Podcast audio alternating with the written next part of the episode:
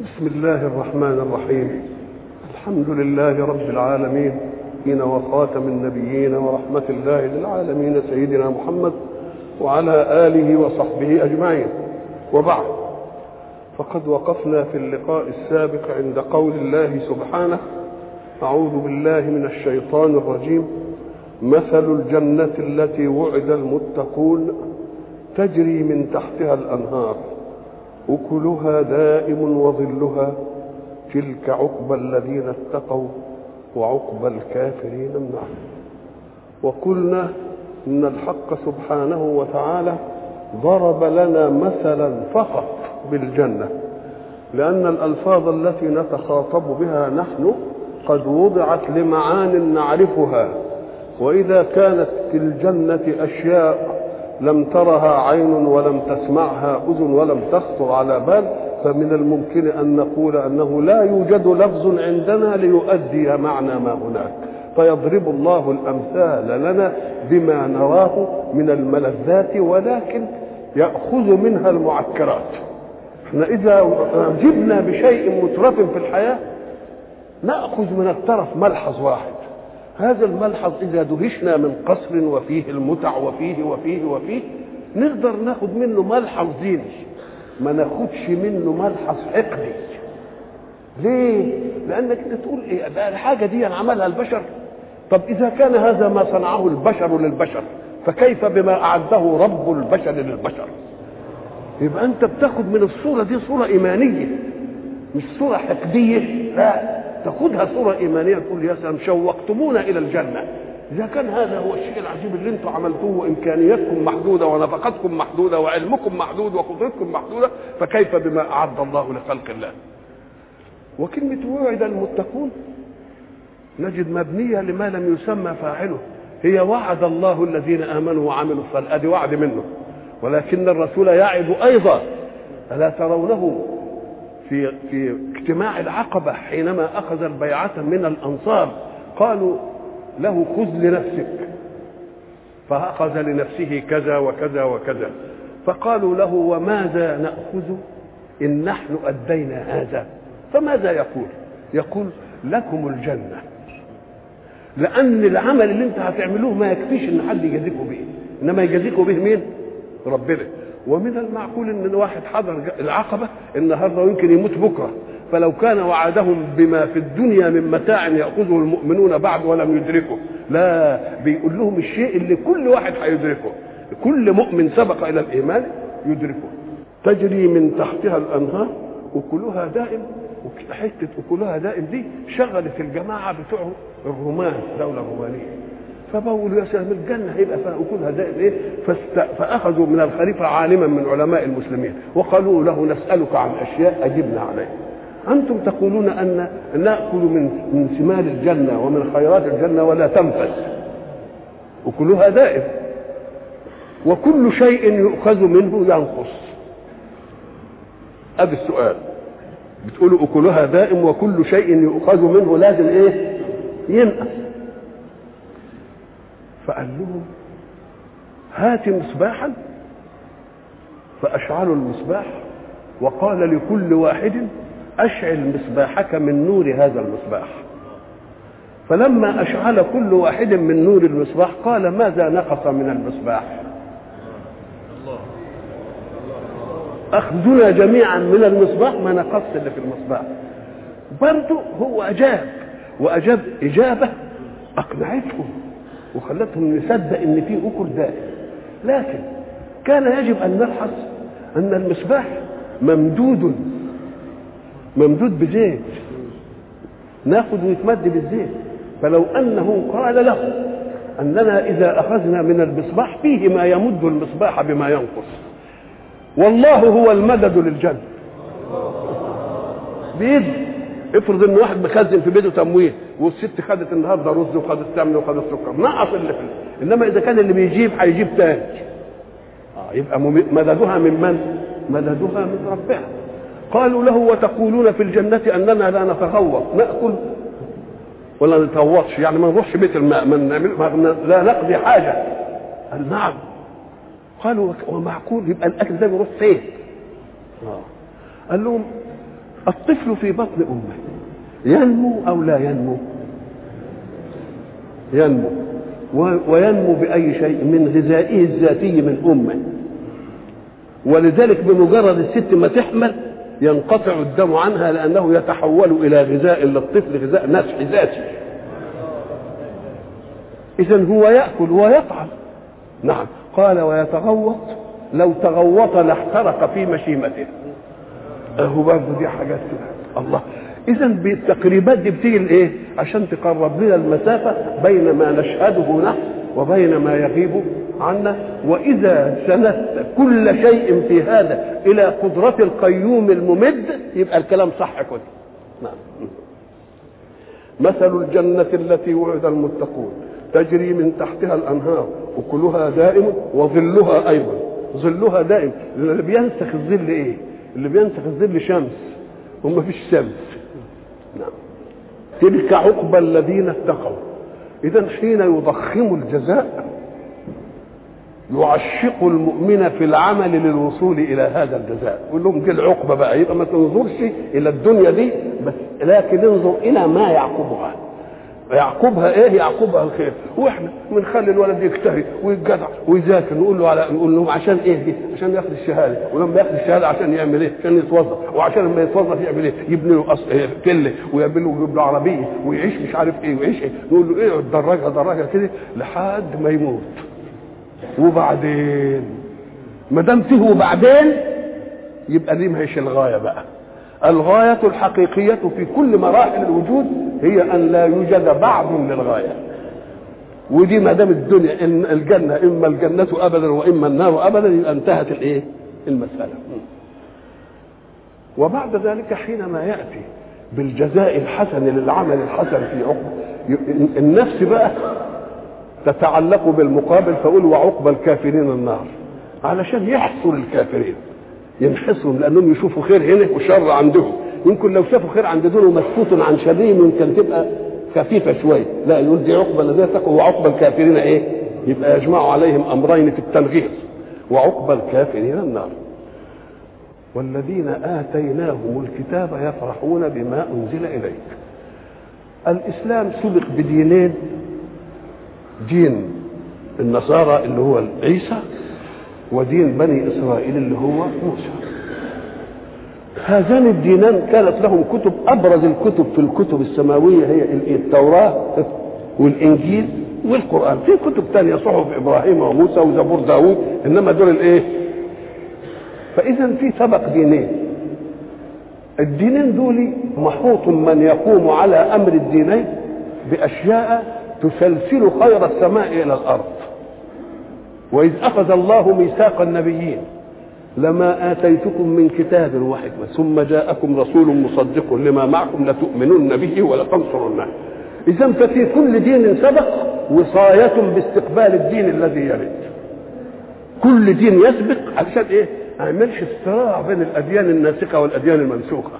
يوم يبقى الدين المنسوخ هو من صلبه أنه منتظر النبي من صميم مواده ينتظر دينا جديدا فإذا ما انتظر من تعاليم دينه دينا جديدا استقبل هذا الدين بإن اللي كان بيبحث عنه جاي له يبقى يستقبله بفرح مش جاي ضاد لما آتيتكم من كتاب ثم جاءكم رسول مصدق لما معكم لتؤمنن به ولا تنصرنه قال أقررتم وأخذتم على ذلكم اسم قالوا أقررنا.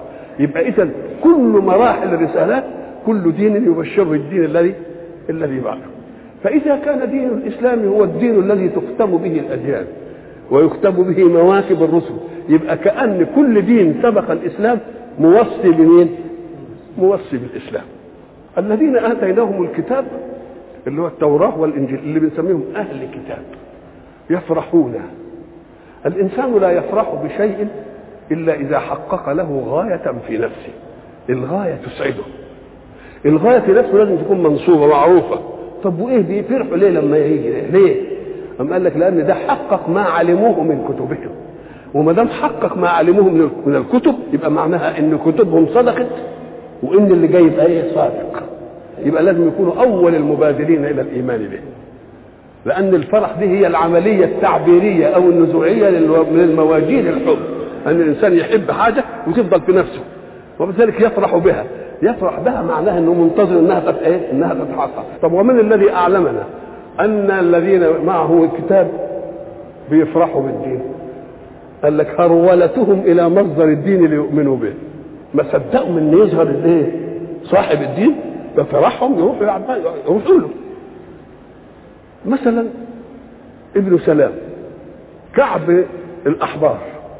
سلمان الفارسي اللي, اللي لف الدنيا كلها عشان يبحث عن دين. ويروح هنا ويروح هنا ويروح وده يوصيه وده يوصيه ويترقى عمال بيلح على معرفة الحقيقة.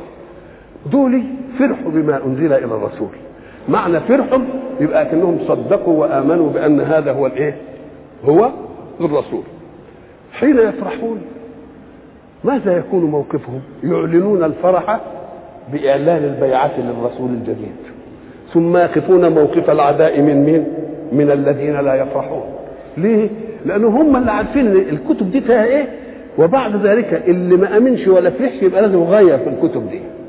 ما دام غير في الكتب دي عرف إن في مدلسين يسندون سلطانهم الزمني بأنهم يجيبوا الأشياء ويكذبوها والأشياء اللي تثبت القرآن والأشياء اللي تثبت مين؟ اللي تثبت الرسول. والذين آتيناهم الكتاب يفرحون بما أنزل إليك. ومن الأحزاب من ينكر بعضه ومن الأحزاب يعني الذين تحزبوا على رسول الله صلى الله عليه وسلم وعاونوا كفار قريش على المعركة بتاعت معركة الإيه؟ الأحزاب. دول بيعملوا إيه؟ ينكرون بعضه. الله يبقى اذا ما دام فيه بعض منكر يبقى البعض الثاني مش منكر. ما هو الحد الفاصل بين ما أنكروه وبين ما لم ينكروه؟ قال لك هم كل شيء. لم يتعرض للعقائد الزائفة كألوهية المسيح وألوهية عزير الكلام ده هم ده اللي يغيروه. إنما الباقي ما يغيروش. يبقى شوف شوف عدالة القرآن. ومن الأحزاب من ينكر إيه؟ مش من ينكره ينكر إيه؟ بعضهم.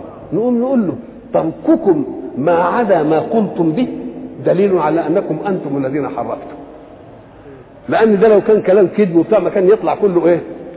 كله كذب. لكن موافقتكم والتحريف ما ينالش إلا أشياء محدودة يبقى هي دي اللي تغيظكم نشوف الأشياء المحدودة اللي تغيظهم إيه هي؟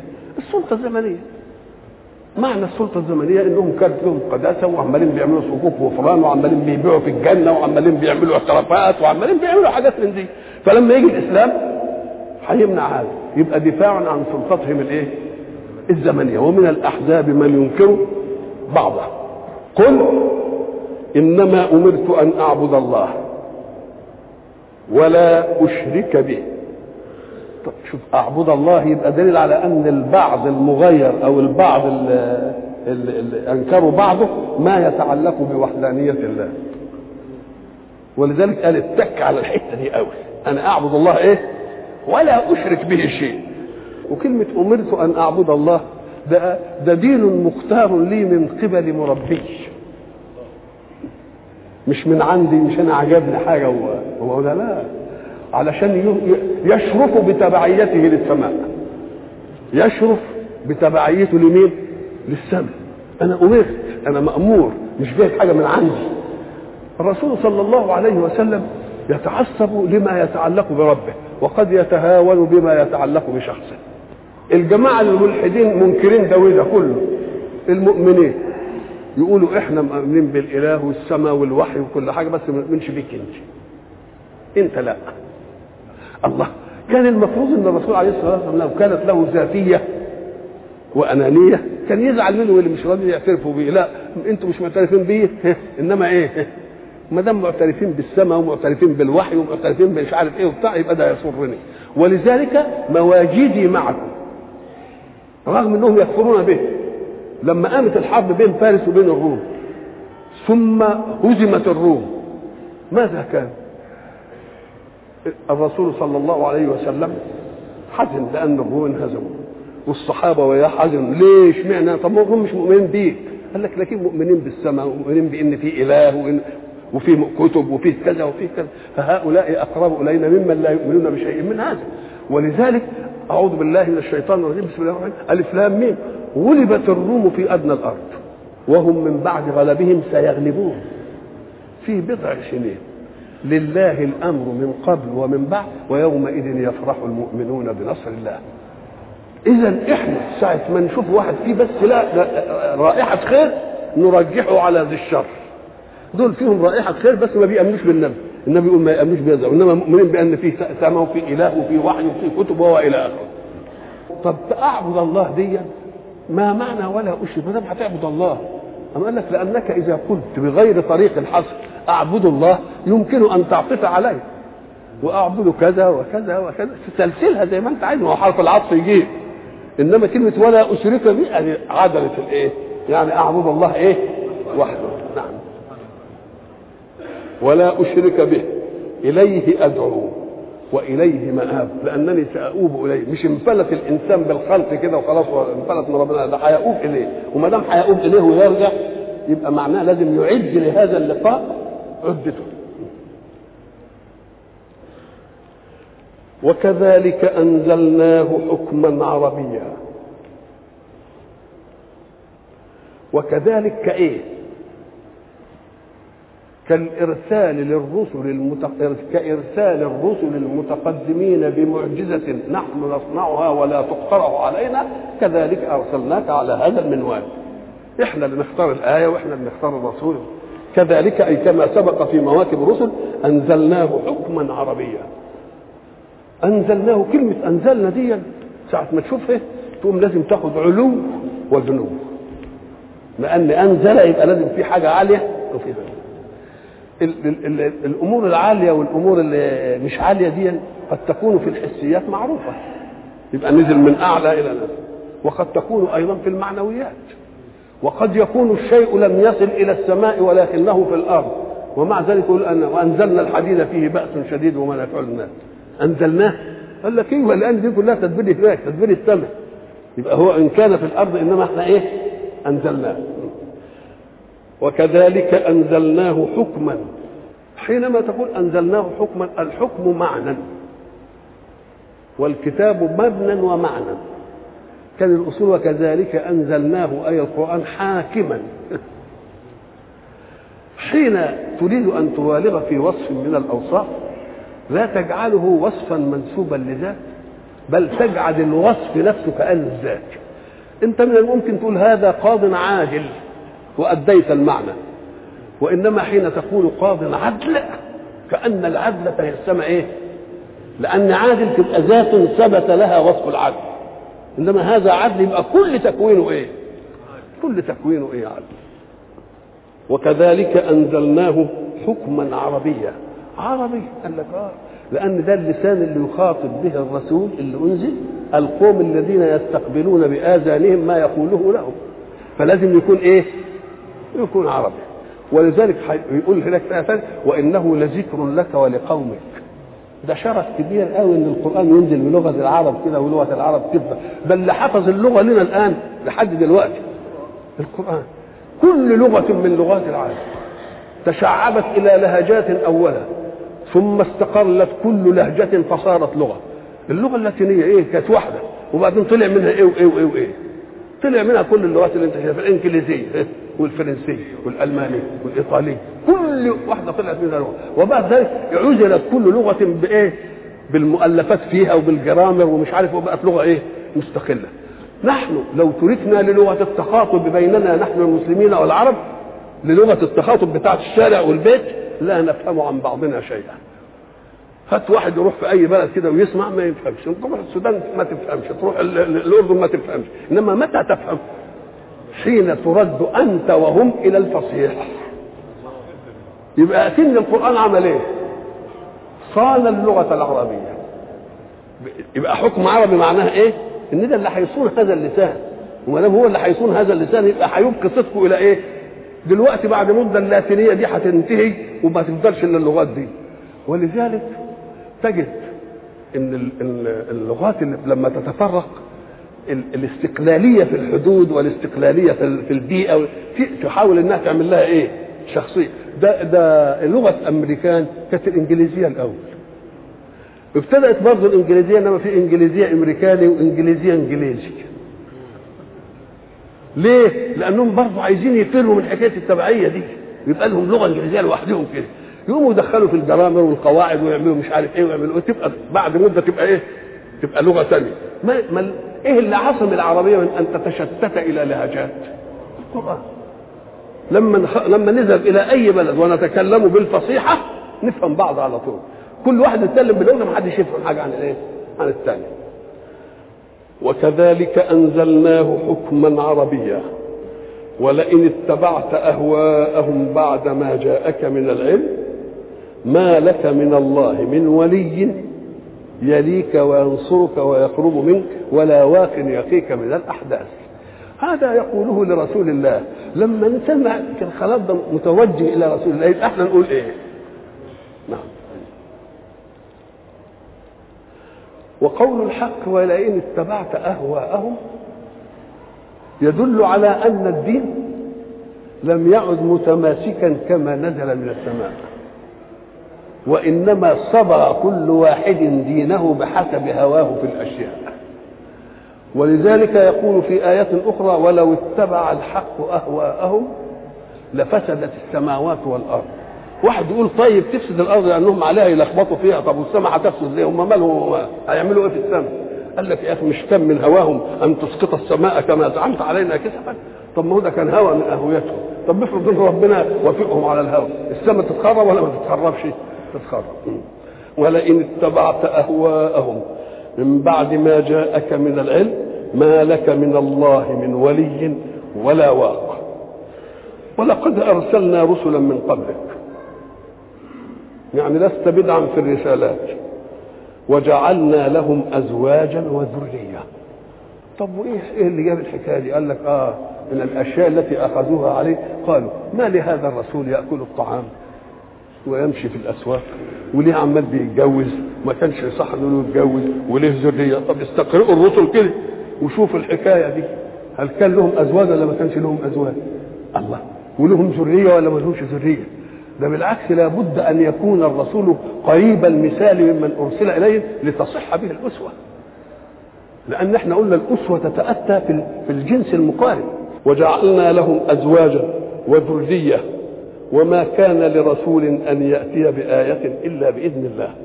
يبقى هم عابوا الأول أن يكون أن يكون يأكل الطعام ويمشي في الأسواق. وعابوا إن له أزواج. وعابوا إن له إيه؟ أولاد. وقالوا له هات لنا آية ثانية لأن القرآن ده مش إحنا مش مقتنعين به ها. وما كان لرسول أن يأتي بآية إلا بإذن الله. لكل أجل كتاب. قضية حكمت كل الآيات التي أيد الله بها كل الرسل في كل الأزمان. لكل أجل يعني لكل وقت شيء محسوب له ومكتوب.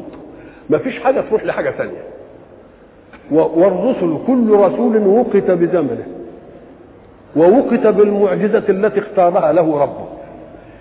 إذا ما نقدرش نقول إن الرسول له هوى في أي آية. ليه؟ لأن ما يبقاش له هوى في آية ما دام لا يقدر عليها. ثم اللي له آية ما يقترحش على الخالق الأعلى. لأن الخالق الأعلى هو الأعلم بما يصلح في هذه البيئة على لسان هذا الرسول. يبقى لكل أجل كتاب يعني ناخذ منها لكل رسالة رسولها ولكل رسالة مكانها ولكل رسالة معجزتها. فإذا كان الأمر كذلك فدعه محمدا وما اختاره الله له في مكان وفي زمان وفي إيه؟ وفي معجزة. ما دام لكل أجل كتاب يبقى في تغير. أم قال لك إيه؟ وفي تغير. فجاب الآية الثانية يمحو الله ما يشاء ويثبت أي يثبت ما يشاء. وعنده أم الكتاب. أهي كلمة وعنده أم الكتاب دي حسمت خلافات فظيعة بين العلماء. لأن يقول لك لما ربنا ينسخ آية وإذا بدلنا آية مكان آية والله أعلم بإيه؟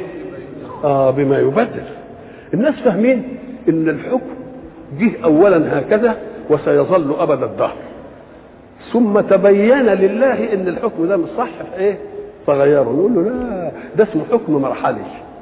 يعني أم الكتاب فيه إننا نعمل دي كذا وبعد لها مدة محدودة وتنتهي المدة المحدودة ويجي مكان. يبقى ما فيش نسخ. على هذا المعنى يبقى أنا ما نسختش. ليه؟ لأن معنى النسخ أن تزحزح حكما عن زمانه هنا ما زحزحناش حكم عن زمان لأن الحكم الأول موقوت بهذا الوقت. يبقى خد زمنه. لما يجي حكم ثاني يبقى النسخ معناه إيه دلوقتي؟ إعلان انتهاء زمن الحكم الأول ومجيء إيه؟ حكم جديد. مش الحكم الأول كان منسحبا على كل الزمان وبعدين غيرناه. عشان يجي حكم ثاني لا ما تغيرش. يبقى النسخ النسخ علشان ما يختلفش العلماء فيه نسخ ولا ما فيش فيه نسخ؟ ويقعدوا يعملوا لنا الدوشة اللي بيعملوها دي. نقول له إيه؟ نحدد النسخ اولا. ما هو النسخ المراد؟ النسخ إنهاء زمن الحكم المتقدم. إنهاء زمن الحكم المتقدم. طرأ ساعة الإنهاء ولا كان مقدرا قبل الإنهاء؟ مقدر قبل الإنهاء. يبقى أنا ما نسختش الحكم. لأن معنى نسخ الحكم أن أزحزحه عن زمانه. نقول له ما كانش له زمن. ده زمنه انتهى هنا. مش مسحوب على الزمن اللي جاي. وما دام كده يبقى ما فيش نسخ إيه؟ ولذلك قول الحق أعوذ بالله من الشيطان الرجيم. ما ننسخ من آية أو ننسها نأتي بخير منها أو مثلها. نأتي بخير منها أو إيه؟ أو يقول لك إيه؟ طيب يا أخي بخير منها ده معقول. هتجيب المناسب للزمان ده. إنما أو مثلها ليه؟ طب ما دام مثلها هنغير ليه؟ ليه هنغير؟ أم قال لك؟ لأنك لو نقلت إلى خير منها. تقول ده كويس والله اللي ترقينا كده وبقت أحسن. إنما الاثنين اللي مثلها وده محك الإيمان بقى. طيب كان يتوجه إلى بيت المقدس. وبعدين قال له توجه إلى الإيه؟ إلى الكعبة. أي مشقة هنا في أن يكون هنا أو هنا؟ ابدا قد إيه إنما إيه؟ الانصياع للحكم الذي يدير هنا وهنا. يبقى اذا أو مثلها عشان نختبر إيه؟ قوة انصياعك للايمان يوجهك إلى حاجة ثم ينقلك إلى حاجة ثانية مثلها. ما إيه اللي حصل؟ طب لما كنا متوجهين إيه اللي وين؟ متوجهين إليه. إيه اللي حصل؟ ما حصلش. طب دي فيها مشقة؟ ما فيهاش مشقة. الله. يبقى المعنى إيه؟ اختبار يقين الإيمان. في مين؟ في إدارة توجيه المدير لهذا الشيء. هنا طيب الحج مثلا يقول لك بوس الحجر الاسود ويرجم الحجر ده اهو أهو ده حجر وده حجر. الحجر ده نمسكه ونبوسه؟ إيمان. والحجر الثاني نقنبله ون ون ونرجمه؟ إيمان. وده مثيل ولا مش مثيل؟ يمحو الله ما يشاء أن ينهي زمن الحكم السابق. يبقى أكن الحكم السابق ما كانش منسحب على الزمن اللي جاي ده لحد هنا. مثلا الخمر. الخمر أول ربنا ما عالجها عالجها بما يتفق لأن حاجات اجتماعية. فيه فرق بين عقيدة وبين حكم. العقيدة دي كان الحكم فيها إيه؟ لازم عدل من أول الأمر ما فيش فيها واجب. وبعدين الأحكام المطلوبه عشان تغير حركة الناس في الحياة. قال لك اعتياد الحركة صحبة. والصحبة الفرقة فيها تتعب. فماذا نصنع؟ نقوم نقلل زمن الصحبة. فلما نقلل زمن الصحبة نعود لما واحد بده يبطل سجاير. يوم اللي بده يخليه يبطل سجاير. انت بتشرب قد إيه؟ يقول لك بشرب علبة 20 سيجارة. طيب يعني معناها أنا هدي لها كل كل كل كل ساعتين سيجارة مثلا. طب ما تخليها كل ثلاث ساعات. تشرب نص علبة مثلا. أنت عملت إيه دلوقتي؟ قللت الزمن اللي بين الايه؟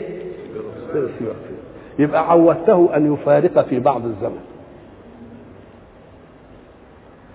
فلما عودته أن يفارق في بعض الزمن تدرج بقى إيه؟ وياه تقوم انت خلعته كده بإيه؟ بلطف يجي القرآن ومن ثمرات النخيل والأعناب تتخذون منه إيه؟ سكرا ورزقا حسنا ساعة ما سمعوا سكر ورزق حسن الناس اللي عندهم بقى ذوق التلقي يقول لك آه والله ده الخمر دي ناويين لها نية نية مش تمام ليه؟ خدتها منين ده بيقول سكرا ورزقا حسنا ويمتن عليهم قال لك آه كونوا يوصف كونوا رزق يبقى حسن ولا وصفش السكر بأنه حسن ليه؟ لأن الرزق أنت بتاكله كده من على أبوه كده العنب وتتمزمز بيه، إنما دوكا بتفسده شوية ويتخمر ومش عارف إيه، أدي أول مرحلة. وبعدين يسألونك عن الخمر والميسر. عظة دي مش حكم بقى، بيوعظ. والوعظ ده توعظ واحد يعمل ولا ما يعملش، أنا بقول لك عليها هي كده وهي كده. يسألونك عن الخمر والميسر قل فيهما إثم كبير ومنافع للناس. واسمهما أكبر من نفعهما. يبقى ميل ناحية إيه؟ وبعدين طب ما دام عايزين نوسع الزمن بين الوجبتين من المحرم الكاس ولا السيجارة ولا أي حاجة قام قال إيه لا تقربوا الصلاة وأنتم سكارى طب ما دام لا تقربوا الصلاة وأنتم سكارى يبقى قبل الوقت هتقعد قد إيه؟ قبل ما تشربش. على الأقل قبله بساعة ما تشربش. وبعدين هتشرب إيه؟ الأوقات بتاعة النهار. وبعدين أهو الليل أنت بتنامه. لكن وسعت الفجوة بين الوقتين. يبقى اتسعت ولا ما اتسعتش؟ وبعد ذلك ينهيها. إنما الخمر والميسر والانصار رجس من عمل الشيطان. انتهى الحكم. يبقى خدوا بإيه؟ خدوا بهوادة. يبقى مثلا النسخ معناه إعلان انتهاء الحكم السابق زمنا وبداية حكم جديد. فليس الحكم الأول كان منسحبا على كل الزمن ثم خلعت من الزمن وجبت حاجة ثانية أهو ده النسخ اللي بيقولوا عليه ما يصح يبقى اذا لو لو اتفقوا على معنى النسخ يختلفوا؟ ما يختلفوش. يمحو الله ما يشاء. ويثبت وعنده أم الكتاب الله ده ده رجعنا في المحو والإثبات إلى أم الكتاب كأن بقى أم الكتاب فيها إيه الحكم ده ياخد لحد كده وبعدين يطلع ويجي حكم ثاني والحكم ده يسمى. يبقى ما دام حاجة مرسومة ازلا يبقى الجماعة اللي بيقولوا. البداء محرم على الله لأن البداء يعني إيه؟ البداء أن تفعل شيئا ثم يبدو لك فساده فتغيره نقول له لا هو ما بداش له فساد وغيره هو عامله من الأول. أم الكتاب قايلة كده. هيقعدوا قد كده كده كده كده. وبعدين إيه؟ يتحرم يبقى ما عملناش بداء يمحو الله ما يشاء ويثبت وعنده أم الكتاب. برضه بتدخل بالمعنى الواسع. يصح في الرسالات. نسخ رسالة كذا بكذا ونسخ رسالة كذا بكذا ونسخ رسالة كذا بكذا. يبقى محى شيئا وأثبت إيه؟ وأثبت شيئا إيه آخر. وكل شيء فيه تغيير إلى الخير. يصح يبقى محو وإثبات طب ما هو قال لك مثلا يمحو الله ما يشاء ويثبت؟ يعني لأن عندنا مثلا رقيب وعتيد اهو ما يلفظ من قول إلا لديه رقيب عتيد. يبقى كل حاجة هتنكتب ولا لأ؟ يقول لك أهو يمحو ما يشاء. يقول لهم اثبتوا الواجبات والمحرمات والأشياء الثانية المباحات ما تكتبوها. يعني ما تكتبوهاش. تكتبوش دي. يمحو الله ما يشاء من الذنوب ويثبت ما يشاء بالتوبة. خدها على معنى الإيه؟ على المعنى الإيه؟ على المعنى الواسع. وإما نرينك بعض الذي نعدهم أو نتوفينك فإنما عليك البلاغ وعلينا الحساب. هذه الآية تحدد مهمة الرسول. أن يبلغ منهج الله. فمن شاء فليؤمن ومن شاء إلا أن قول الله في رسوله صلى الله عليه وسلم لقد جاءكم رسول من أنفسكم عزيز عليه ما عنتم حريص عليكم جعلته يتعلق بأن يهدى قومه جميعا. وكان يتمنى ان الكل يبقى ولذلك يجي له في آية ثانية فلعلك باخع نفسك إن لم يؤمنوا. فلعلك باخع نفسك بتاع سورة الإيه؟ الشعراء. اذا أنت لا مالكش دعوة أنت ريح أنت بتبلغ وإحنا اللي إيه؟ وإحنا اللي نحاسب إما أن نحاسب الحسابين حساب الدنيا في المسخ والإذهاب وإلى آخره وإما أن نؤخر للإيه؟ للاخره. وإما نرينك بعض الذي نعدهم أو نتوفانا. كل دعوة من دعوات الخير تعرف أنها الخير إذا كان كل يوم يمر تكبر شوية. ودعوات الشر كل يوم يمر تخف شوية. دائما كده. اذا دعوة الخير لما تبتدي تبتدي على قلة وبعدين تكثر. الذي يدعو للخير آفته أنه يحب أن يأخذ هو الثمرة نقول له ده غلط بقى إلا أنك هتتعجل الأشياء علشان أنت يا غارس تأخذ الثمرة لا اغرس ودع من يقطف الثمرة إلى بعدين يبقى أنت تفرغت إلى شيء أن تغرس فقط. كل إذا نظرت إلى الدعوات كلها في الدنيا كل دعوة من الدعوات وقالها أنصار ومؤيدين آفتها جميعا أن القائمين بها تعجلوا الثمرة. ولو أنهم تمهلوا مع الثمرة ليقطفها من جاء بعدهم يبقى كانت تنجح المسألة. طيب أنت لما تيجي تقول لك أولا أستطيع أن أقف في الحقل وأعرف نية الغارس. ونية الزارع أنيته نفسه أم نيته غيره؟ إن كان بيزرع من الأشياء اللي بعد شهر تيجي الثمرة بتاعتها ولا بعد ست أشهر ولا بعد سنة نقول ده على قده. إنما اللي بتشوف بيزرع نخلة. النخلة ما تثمرش إلا بعد تسع مثلا سبع سنوات ولا يزرع حباية مانجا يبقى افهم إن دي مش بيزرع علشان يدرك. ده بيزرع ليؤدي لمن يجيء ما أداه له من ذهب. بتاكل تمر الآن من إيه؟ من واحد غرسها من زمان. عمال أنت بتاكل منها الآن فإذا رايته كده حريص على إنه يزرع الأشياء اللي اللي ثمارها تتأخر فافهم إن ده في إيه؟ في قلبه من ياتي إنما اللي يزرع بقى شوية ولذلك اللي يبقى عنده حتة واسعة يا دوب يزرعها شوية حاجات من اللي يزرع شوية خضار هيتقلعوا النهارده ويبيعهم وياكل ويشرب. إنما اللي عنده حاجة واسعة يزرع بقى شوية نخل وشوية عنب وشوية مش عارف إيه وشوية إيه وشوية إيه. افهم إن ده إيه؟ مش ضامن إنه يدركه. إنما هو يأكل مما فعله الغير. ففي نيته إنه يعمل إيه؟ برضه يرد الجميل ويزرع للغير اللي جاي يبقى إيه؟ يبقى يأكل. الرسول صلى الله عليه وسلم جاء بالدعوة وتلقى فيها ما تلقى من العنة والإرهاق والجهد ومع ذلك لم يشأ الله أن يبقيه ليرى فتح الأرض على الإسلام. بل ناس جم خلفاء جم. وهو بمجرد الإسلام ما استقر في الجزيرة ونزلت شوية الأحكام وعاصمة الكفر دانت ووقعت وفتح وفتحت مكة ونزل اكملت لكم دينكم وأتممت عليكم نعمتي ورضيت لكم الإسلام دينا. قالوا لا خلاص ده المسألة وصلت. الناس فهموا فهموا أن رسول الله نعى نفسه للناس. ما دام أكملت الدين وأتممت النعمة ورضيت الإسلام الدين يبقى معناها إن إيه؟ لكن صحابته هم الذين انساحوا بالدين في الدنيا. وفي مدة نصف قرن خمسين سنة بقى الإسلام له جناحين جناح في الشرق وجناح في الغرب. ويهزم أكبر إمبراطوريتين موجودين متعاصرتين إمبراطورية فارس بحضارتها وإمبراطورية الرومان ومش تتابعا لا معا. حرب هنا وحرب إيه؟ حرب هنا. الله. طب الناس اللي حاربوا دول؟ وبقوا يتخطفوا الإسلام. أكانوا يفهمون معجزة الإسلام؟ لا. إنما خدوا منهج الإسلام. اذا الإعجاز هيبقى قسمين. إعجاز لمن سمعوا القرآن ويحملوا الرسالة. وإعجاز للي هيشوف عدالة القرآن في إدارة حركة الحياة. يبقى ادي المعجزة اللي إيه؟ ما هو يقول لك يا أخي ما جاي معجزة وجاي للناس. طب كتب بزياده العرب ما هو العرب المعجزة. نقول له لا الإعجاز إما أن يكون عقليا وإما أن يكون حسيا. معجزات الرسل كانت حسية. معجزات الرسول جت عقلية. ليه؟ عشان تستوعب اللي موجود هنا هيؤمن بإعجاز القرآن لانهم أمة بلاغة. فيحملوا الإسلام وينساحون به في إيه؟ في شتى الأرض.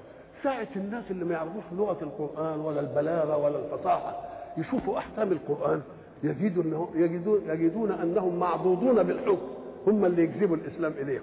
ولذلك إذا نظرت للإسلام وفتحه في الدول كان مندفع بالمؤمنين ومجذوب من غير المؤمنين.